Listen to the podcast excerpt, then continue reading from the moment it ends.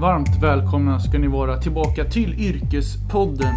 Idag har jag med mig Mikael Klunius Hallström som är idag Sveriges största YouTube-nyhetsankare.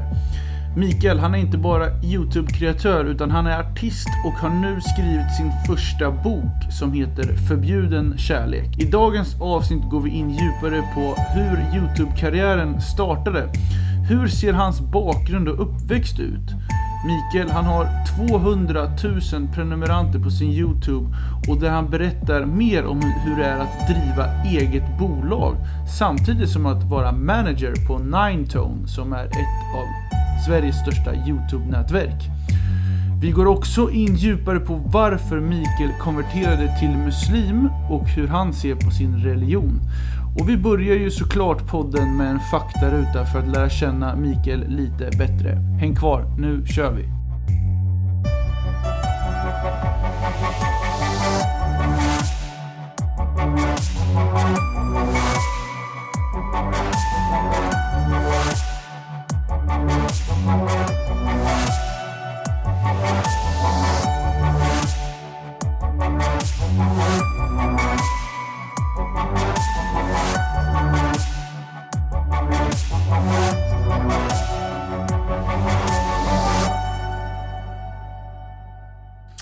Jag säger välkommen till Yrkespodden Mikael Hallström. Tack. Hur är läget med dig? Eh, Det är bara bra. Eh, Det, det är mycket jobb nu med, eh, med min bok och sådär, så det är mycket promotion och intervjuer med tidningar, radio och sånt där eh, som jag inte är van vid eh, annars. Men, eh, nej, men annars rullar det på bra faktiskt. Hur är det själv? Det är jättebra tack. Eh, solen skiner här i Stockholm faktiskt. Det är här jag befinner mig. Men du befinner dig i Göteborg. Ja, det stämmer. Vi spelar ju in härifrån din studio här. Du kan väl berätta lite vart eh, den ligger och vad, hur det kommer sig att du har en studio?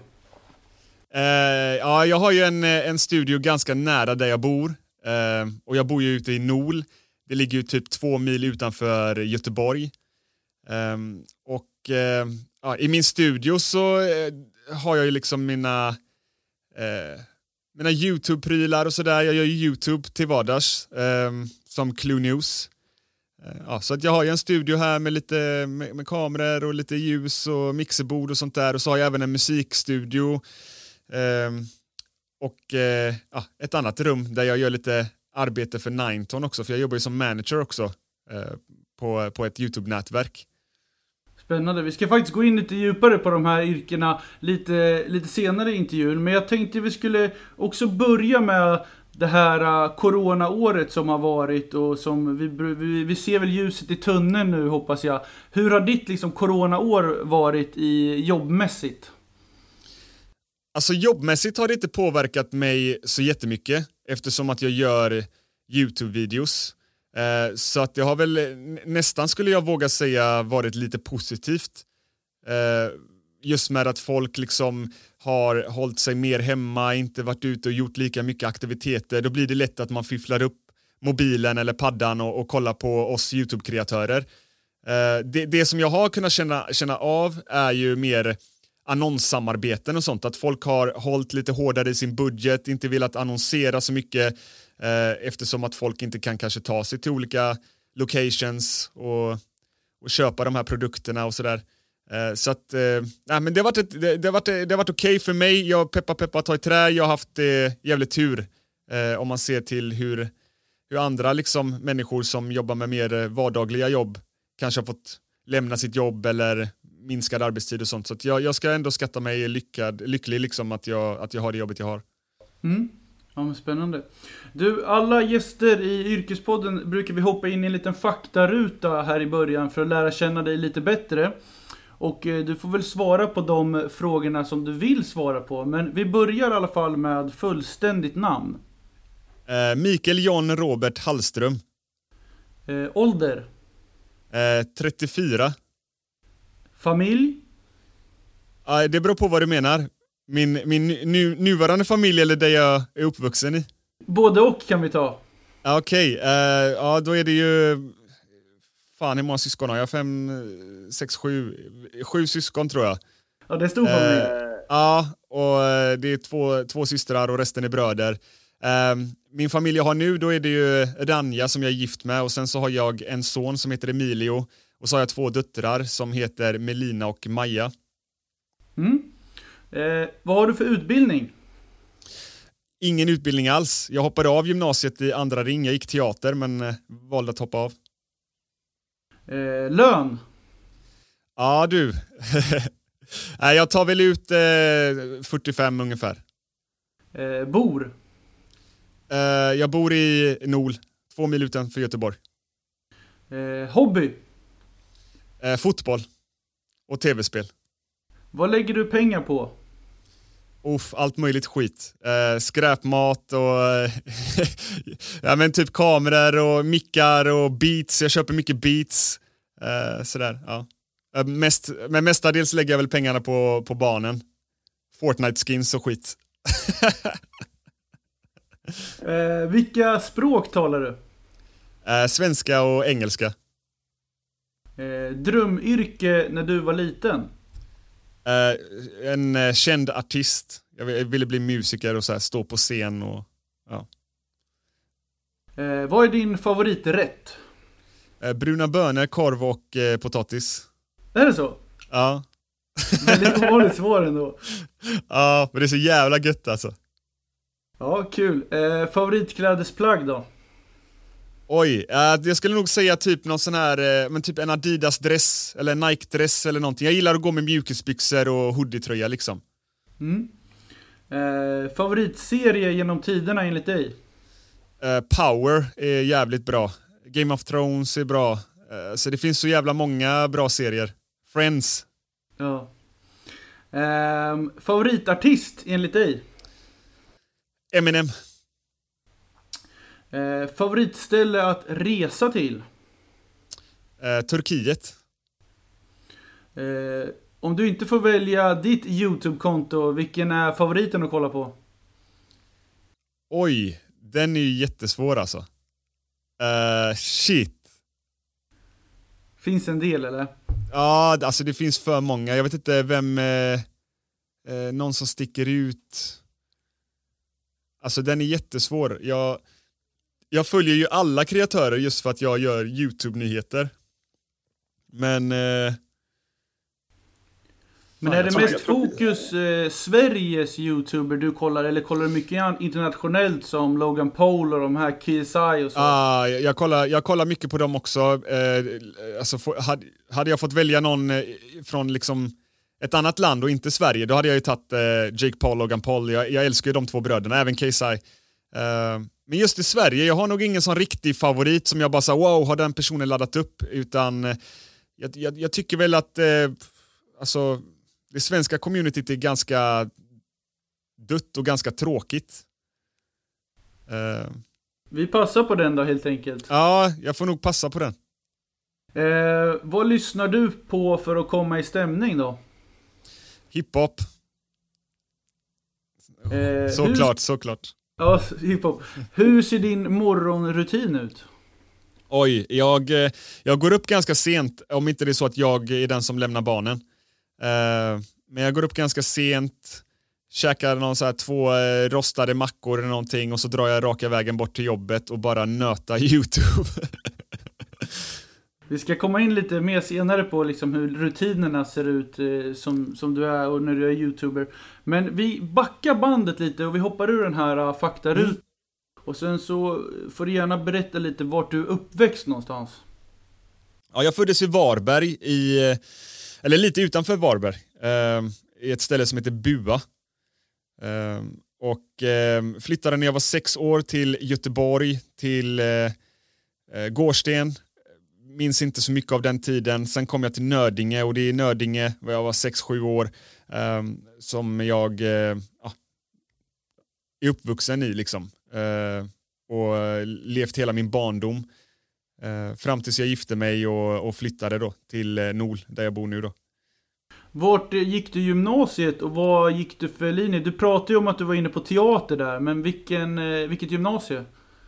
Jag gick i, på Nödingens gymnasium Um, och det hette estetiska programmet, tv och teaterproduktion.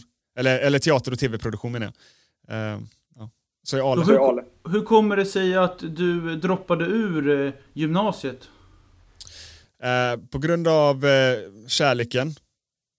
Eh, min fru då jag ville spara pengar till ett bröllop och sen var jag väldigt dålig i skolan. Jag, hade, jag visste inte det då men jag fick reda på det sen mycket senare att jag har dyslexi eh, och sen hade väldiga koncentrationssvårigheter i skolan så jag kunde inte hänga med, kände mig dum bara. Så att jag hade ju jättedåliga betyg eh, och jag pallade inte gå om ett år och sådär. Eh, bara en sån spontan fråga, tror du att i dagens samhälle att folk Eh, och eh, lärare är lite mer involverade för folk som har till exempel dyslexi eller eh, koncentrationssvårigheter? Tror du det är bättre idag än vad det var kontra förr? Ja, det tror jag. Jag tror det är mycket bättre nu än förr. Jag minns, om man ska gå tillbaks bara till min pappas tid, han är ju runt 60. På den tiden så visste man inte ens vad en diagnos var, liksom ADHD och sånt där. Så att, och på min tid så var det också så här, jag, jag, tror inte folk hade så, så mycket koll på dyslexi och, och sådana grejer. Man tänkte väl mer bara det är en sprallig kille liksom. Han kommer, han kommer växa till sig. Men det gjorde jag ju aldrig. så att, ja, men jag, tror att det är mycket, jag tror det är mycket bättre idag, mycket bättre planer och, och sånt där i skolan och man har mer koll och är mer utbildade när det kommer till eh, diagnoser och svårigheter och sånt där. Men du hoppade i alla fall av och du var lite inne på det att du ville försörja tjejen. Men vad, vad gjorde du då? Du började jobba, vad var första yrkena? Eh, Alltså jag, jag jobbade ju redan i skolan lite så här på Blomsterriket där jag bodde, sen eh, hoppade över lite till McDonalds och sånt där. Men när jag, när jag hoppade av skolan, då fick jag ett jobb eh, i Kungsbacka som plåtslagare, lärling. Eh, och där jobbade jag ett tag och det gick ju inte så jävla bra. jag, jag försov mig lite och sådär, fick sparken sen därifrån. Eh, men sen så har jag varit lite överallt alltså efter det och jag har varit eh, på Volvo, eh, eller, eller bemanningsföretag till Volvo. Jag har jobbat som eh, snickare, svetsare, plåtslagare igen. Eh, alltså jag, jag, har varit lite överallt, jag kommer inte ihåg alla yrken, men jag har jobbat eh, lite överallt, lagerarbete, kört truck och så gjorde jag väl, YouTube gjorde jag ju mest på, eh, på kvällarna då, det blev som en liten hobby. Eh, som sen blev mitt jobb. Men om vi går in lite på eh, just hur karriären startade för dig. Du får rätta mig om jag har fel nu, men, men var det musiken, liksom artisten eh, Clue som började eller var det YouTube Clue som började? Nej, alltså först var det eh, artisten Två Världar. Jag hette Två Världar från början. Ja. Och, och då gjorde jag eh, ja, men väldigt mycket hiphopmusik, lite mer pop-hiphop skulle jag vilja säga. Eh, och Eh, jag gjorde väldigt mycket låtar om eh, dels mig och min fru. Det är också därför den här boken har kommit till i efterhand som vi kanske kommer in på senare. Eh, för att folk hade så mycket frågor, liksom hur, hur vi fick gifta oss med varandra och sånt, för vi var från olika kulturer. Men eh, jag, eh, eh, lite kort efter att jag gifte mig med min fru så valde vi att köpa en eh, lägenhet i Kärra som ligger inne i Göteborg och då var jag inte lika lika delaktig i vårt kollektiv som vi hade. Vi hette Sias Crew. Ehm, och då blev det bara att jag drogs mer från musiken och eftersom att jag ändå har ett, ett brinnande liksom, eh, menar, intresse av att skapa grejer och sånt där så, så började jag kolla lite på YouTube och eh, såg då att eh, eh, ja, men det var lite nytt liksom. Det var på den tiden det inte fanns så många youtubers och folk inte riktigt visste att man kan vara en youtuber på det sättet. Liksom. Och eh, då började jag faktiskt med en kanal som heter Clueless Swede där jag eh, laddade upp FIFA-videos. Det finns ett game mode i FIFA som heter Ultimate Team Eh, och jag spelade det väldigt mycket och jag började då lära ut till folk hur man kunde trada med de här korten Eh, för att tjäna låtsaspengar så du då kunde köpa Zlatan och Ronaldo istället för att lägga in riktiga pengar i konsolen eller du vet så här, eh, i spelet. Så på den vägen var det att jag började med FIFA-videos och eh, jag började växa eh, ganska snabbt faktiskt. Eh, det tog inte lång tid så hade jag skrapat ihop kanske en 10 000 prenumeranter och jag hittade ett litet community där eh, andra personer också spelade Fifa och så började vi göra collabs med varandra och vi shoutoutade varandra och eh, vi till och med spelade eh, live-fotboll och fyllde arenor liksom. Folk kom och kollade på oss liksom, så här 21 youtubers spelade mot varandra liksom, och, eller av 22 eller hur många vi var nu. Ehm, jag tänkte också på att eh, när du ändå gjorde det här i början så drog du ju kanske inte in någon inkomst. Så, så hur var det liksom att eh, parera mellan jobb och starta den här YouTube-kanalen? Ja, jag, jag tjänade ingenting på YouTube i början. Eh, jag jobbade...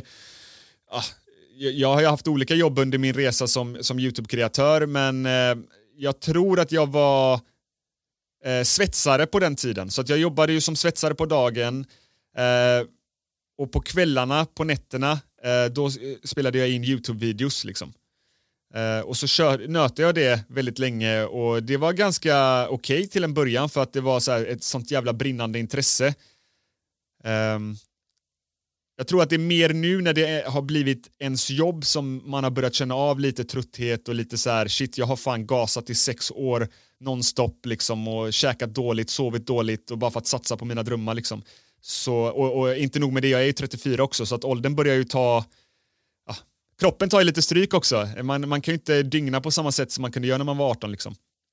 Jag förstår. Så att... Eh... Men hade du gjort någon typ av research vad egentligen underhållnings-YouTube i Sverige behövde innan du startade den här just Fifa-kanalen? Eller var det liksom bara spontant att det här tycker jag är kul, det här borde alla tycka är kul? Ja, men lite så var det. Jag, alltså, som, som jag sa innan, eh, YouTube var inte så känt på den tiden som den här plattformen där alla ville bli en YouTube-kreatör. Så jag visste helt ärligt inte att man kunde ens tjäna pengar på YouTube. Eh, utan jag tänkte man, man blir känd liksom. Så. Men eh, men som, eh, som eh, ja, jag startade som Fifa-kreatör, det var ju för att jag, jag, jag spelade Fifa varje dag hela tiden. Så fort min fru jobbade spelade jag Fifa, liksom. så fort jag fick en tid över. Jag, jag var ju helt manisk i Fifa.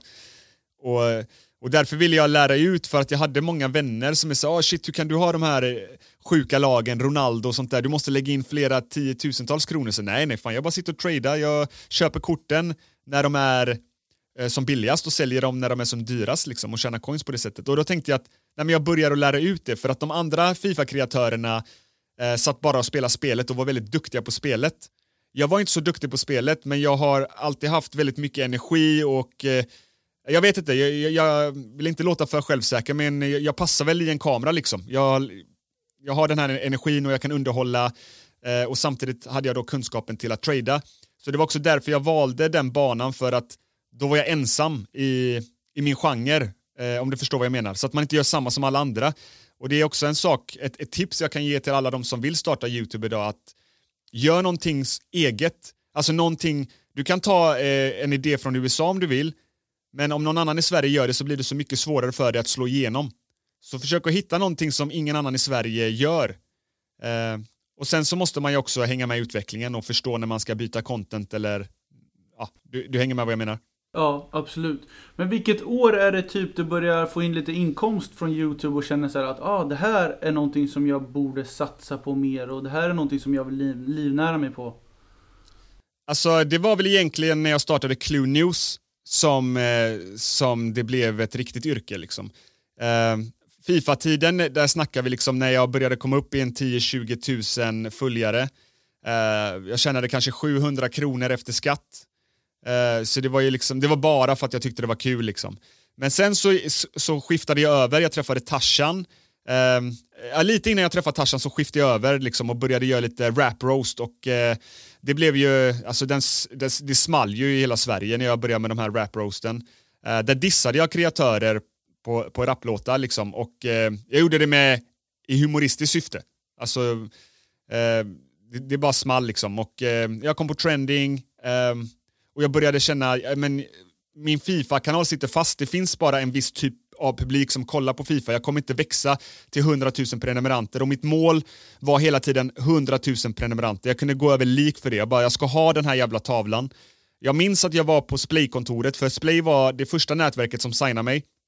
De hade några andra kreatörer som var stora, som hette I just want to be cool. Och när jag kom in på kontoret så hängde deras tavlor där, 100k-placken liksom.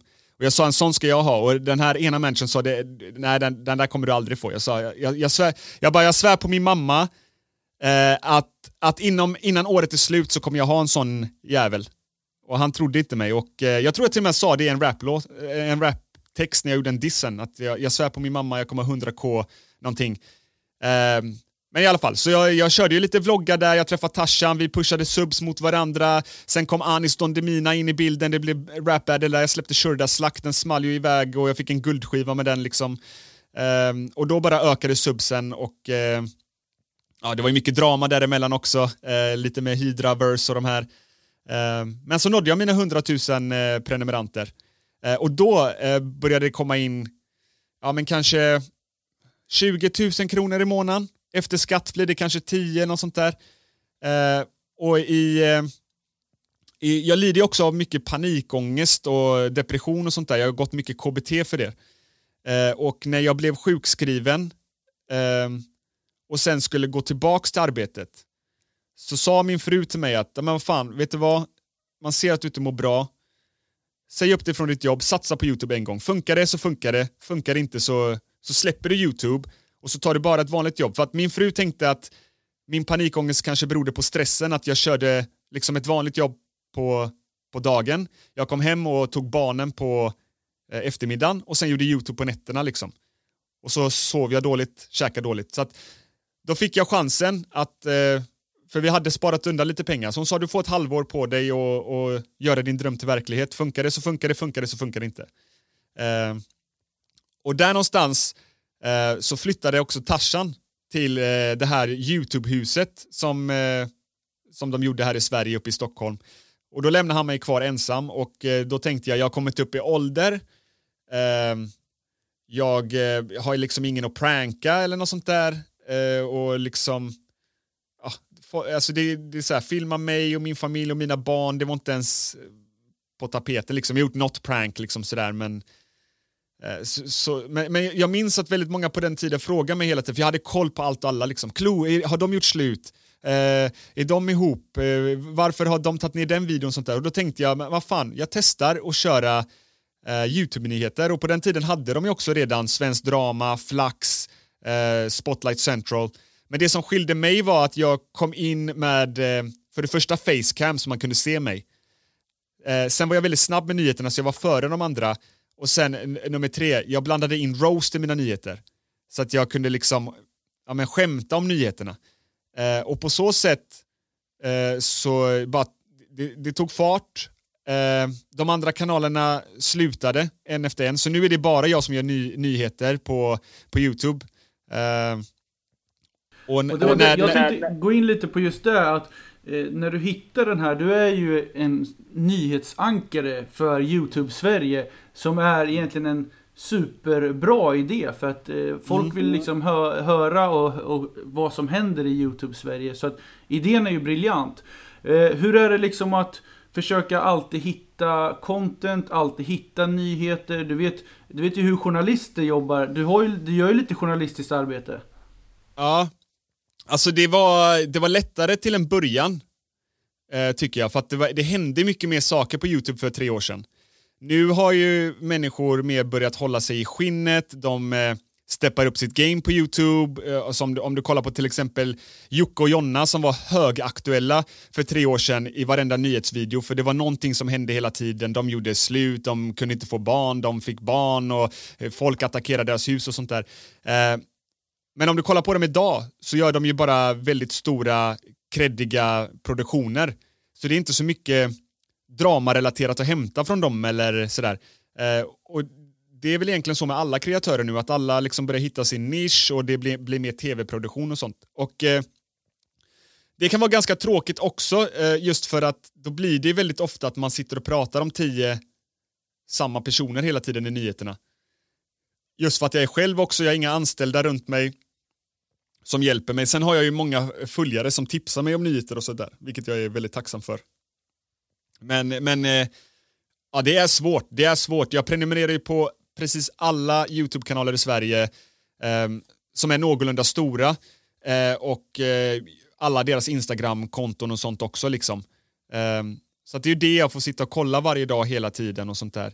Eh, och sen så blir det, ja, det är, man försöker hitta nya kreatörer också, men det, det folk kanske inte alltid förstår är att eh, folk klickar in på mina videos för att liksom få reda på vad som har hänt eh, eh, med deras favoritkreatörer. Och skulle jag bara sitta och rapportera nyheter om de som har 2-3 tusen följare så hade ingen kollat på mina videos. Även om jag önskar att jag kunde göra det, för jag älskar att lyfta kreatörer. Jag, jag tror att jag är en av de, jag vill inte ge mig själv en klapp på axeln här, men jag tror att jag är en av de få stora kreatörerna på svensk YouTube som faktiskt tar en paus ibland och liksom ger en shoutout och lyfter upp liksom streamers och andra YouTube-kreatörer. Så jag önskar jag hade kunnat göra det mer, men tyvärr så är det så att man, man pratar ofta om de mest populära kreatörerna för stunden. Och just nu kanske det är Jocke, Antonia Mandir, JLC och sådana här. Men man vet aldrig, om två månader så kanske man bara pratar om Gordon Devon eller Anis Don Demina. Alltså allting går liksom i vågor. Uh. Men en fråga, när du är YouTube-kreatör som du är idag, driver du eget företag eller eh, liksom, får du in privat inkomst från YouTube, eller hur funkar det? Ja, jag driver ett aktiebolag idag. Eh, uh, Clueless Swede AB heter det. Uh, innan, innan jag startade aktiebolaget, det startade jag för ett år sedan ungefär, så jag har haft det i ett år, så hade jag en enskild firma som jag haft sedan 2018 ungefär. Uh, men ja, alltså vi, får ju, vi kreatörer får ju pengar från YouTube AdSense, alltså den här reklamen som spelas innan ett klipp. Den får ju vi utbetald från Google. Eh, så den åker ju bara raka vägen rätt in i företaget liksom. Eh, sen så tjänar vi också pengar på annonssamarbeten som vi själva pratar om i videon. Till exempel Red Bull kontaktar mig och bara ah, vi, du får 20 000 för att dricka våran dricka i den här videon. Ah, då, är, då får vi pengar från det. Eh, sen så kan man ju också få pengar på annat sätt att liksom ja, men, åka ut till en fritidsgård, spela lite spel med kids eller stå på scen, uppträda, vara på ett event, komma till eh, ett köpcenter eller whatever liksom. Så att det är där eh, väldigt mycket av, av pengarna finns. Ehm, så att jag skulle säga att de minsta intäkterna kommer egentligen från YouTube AdSense. Hur är det att driva eget då? Hur, känns det att du trivs i den rollen eller är det någonting som på sikt du vill att det här bolaget ska någon, någon annan driva vidare sen eller hur, hur känns det liksom? Jag tycker det är askul att driva ett bolag, sen så är det skrämmande. Jag skulle vilja utveckla mitt bolag. Jag skulle vilja göra en hel jävla redaktion av Clue News, liksom anställa folk, ja men någon sköter någon blogg, typ som någon, någon så här, det tänkte typ som en tidning eller någonting liksom så här. Nyheter 24 fast, fast Clue News, liksom. någon, någon sköter det, någon klipper videos, Eh, ja men jag vet inte, kanske till och med en tidning i framtiden print, men det är så här, man vågar inte kanske ta vissa steg, det kostar ju väldigt mycket pengar och Folk tror att man kanske tjänar mer pengar än vad, vad, vad man gör på YouTube. Även om det är ganska bra betalt eh, så räcker det inte till kanske att göra just de här stora grejerna som man, som man drömmer om. Men förhoppningsvis så kommer det längre fram och sen när det kommer till Cluno så vet jag inte. Jag har länge gått och tänkt liksom, fan jag är ändå 34 nu du vet. Ska man passa över micken till någon, liksom så här, byta host på kanalen, vad hade hänt då liksom? Hade kanalen fortfarande levt? Jag vet att väldigt många säger, i alla fall hatare, säger att de kollar på mig för nyheterna bara. Men, men jag vet inte, om någon annan hade levererat nyheterna hade det varit lika roligt att kolla på. Jag har ingen aning vad det är jag gör som får folk att tycka om mina nyheter så mycket. Det är det som är, jag tycker själv jag är astråkig när jag kollar på mina och tänker fan, vad är det för jävla, du vet, skäggig gammal gubbe som sitter där. Och... Det är Göteborgsdialekten vet du, det är den som, den, den som drar det. Kan vara det, och, och Glenn Hysén-humorn. eh, din eh, roll är ju också att du är manager på Ninetone och jag tänkte att för, för lyssnarna så kan du väl förklara vad Ninetone är för bolag och vad din roll är där. Mm. Eh, Ninetone är ju i grund och botten ett skivbolag men de har nu eh, sedan några år tillbaks utvecklat eh, till eh, också ett eh, YouTube-nätverk där då eh, kreatörer kan signa upp eh, mot en viss procent av intäkterna man tjänar på eh, YouTube AdSense. Eh, då får man också, då får man ju hjälp såklart med att bygga sina kanaler, man analyserar kanalerna, eh, ser vad de gör rätt, ser vad de gör fel, kollar statistik, försöker hjälpa till med lite samarbeten. Eh, Eh, ja, men hjälpa dem med alla möjliga grejer, så här, om de behöver få kontakt med YouTube, de har frågor, någon video har blivit borttagen, någon har fått en strike. Um, så har de, ja, men man kan säga att Nineton blir som en liten storebror som, som skyddar liksom, kreatören. Liksom. Uh, och sen så finns det olika inriktningar i nätverket där du kan välja att bara signa upp som en YouTube-kreatör eller bara som en musikartist eller som ett management uh, eller signa ett managementavtal. Liksom. Uh, men jag är på YouTube-sidan då, så jag hjälper ju ja, YouTube-kreatörer att eh, växa sina kanaler, eh, hjälper lite med samarbeten, Eh, ja, ta emot deras huvudvärk helt enkelt och eh, ja, men gör, gör, så att eh, de ska slippa den huvudvärken. Om de har problem eller eh, de behöver få in pengar av en kund som inte har betalt eller någonting, eh, liksom, då är jag där och, och, hjälper dem med det så de kan bara göra det de är bäst på, vilket är YouTube och skapa videos. Liksom. Så, så får jag och mina kollegor sköta det i bakgrunden, det allt annat. Och hur kom du i kontakt med Ninetone då? Jag, efter att jag lämnade Splay så, så var det inget nätverk i eh, Sverige som ville röra vid mig eftersom att jag gjorde lite edgy content. På den tiden var det lite nytt i Sverige också så här, Uff, han, han drar roast och de fattade inte min humor, de trodde att jag var seriös och ville sprida, sprida hat på plattformen. Men Nineton var det enda bolaget då som eh, vågade satsa på mig och dra in mig så att jag eh, fick ansluta mig till dem. Ehm, och alltid tyckt om hur de har arbetat med mig, att de vågade satsa på mig trots att folk såg mig som det svarta fåret liksom. Ehm, så sen, det, det föll väl bara naturligt sen att när de behövde lite extra hjälp och jag som har börjat komma upp i ålder och kanske vill ta ett steg tillbaks från YouTube och kanske ha något annat att luta mig på när jag inte längre kan göra YouTube-videos. Um, så då tänkte jag att ja, men jag, jag tar den rollen liksom och så fick jag en anställning på 50% så att då kan jag jobba med dem 50% och sen sköta Clue News 50% liksom. Det är en skitbra tid. Men du, eh, förutom att vara youtuber och artist så har du ju faktiskt skrivit en bok och det är den vi tänkte vi skulle gå in lite djupare på nu. Eh, din mm. bok heter ju Förbjuden kärlek och jag kan väl, du har säkert fått den här frågan nu ganska mycket under de här kommande veckorna. Vad handlar egentligen den här boken om? Alltså boken handlar ju om mig och min fru och hur vi gick till vägar för att kunna få gifta oss med varandra. Eh, vi är ju från eh, olika kulturer och religioner. Eh, nu har ju jag i efterhand, eller, eller på den tiden då, jag konverterade ju om Eh, sen till, eh, till islam. Så att nu har jag och hon samma religion liksom. Eh, men, men som jag sa innan, jag skrev mycket raplåtar om, om våran historia och sådär. Och när vi väl fick gifta oss så var det så många som kontaktade och frågade liksom hur, är ni gifta idag? Hur, hur gick ni tillväga? Hur gjorde ni? Och, eh, liksom, no, några skrev att de hade samma, eh, liksom, haft samma eh, Eh, problem där de har varit kär i någon annan tjej eller kille från en annan kultur och eh, de vill veta hur de ska gå tillväga och sådär. Och då, då tänkte jag att men fan, jag skriver den här boken och det är liksom ingen guide hur, hur man ska gå tillväga för att få gifta sig med någon från en annan kultur, men det är våran berättelse. Eh, och Den här berättelsen är väl mer att både jag och min fru hade väl egentligen väldigt mycket fördomar om islam på grund av det vi har sett på tv, radio, tidningar, det man har hört från vänner eh, och så vidare. Eh, och det var väl därför vi smög i så många år. Men när det väl kom till kritan och jag fria så var det liksom ingen big deal. Eh, liksom det var ett jättetrevligt möte, vi tog en kopp kaffe, tjötade lite och eh, hennes pappa kollade vem jag var som person, om jag var en skön snubbe liksom som hade mitt på det torra med jobb och bostad och sånt där liksom.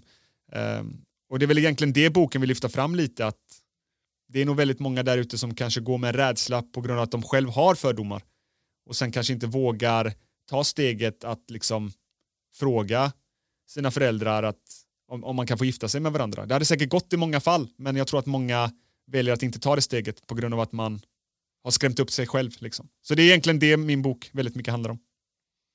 Och jag läste faktiskt din artikel här i GP där ni pratade, eller du pratade mycket om hedersnormer. Och mm. hur ser du på hedersnormerna i samhället idag, 2021? Kommer det här liksom finnas kvar eller tror du det är någonting som kommer, i alla fall i Sveriges kultur, liksom dras ut eller liksom bli mindre av? Vad tror du händer? Uh, jag har ju inte jättemycket kunskap om hederskultur, men om jag får chansa lite fritt sådär, så tror jag att det kommer bli mycket lättare med åren och jag tror att det har blivit lättare än vad det var förr.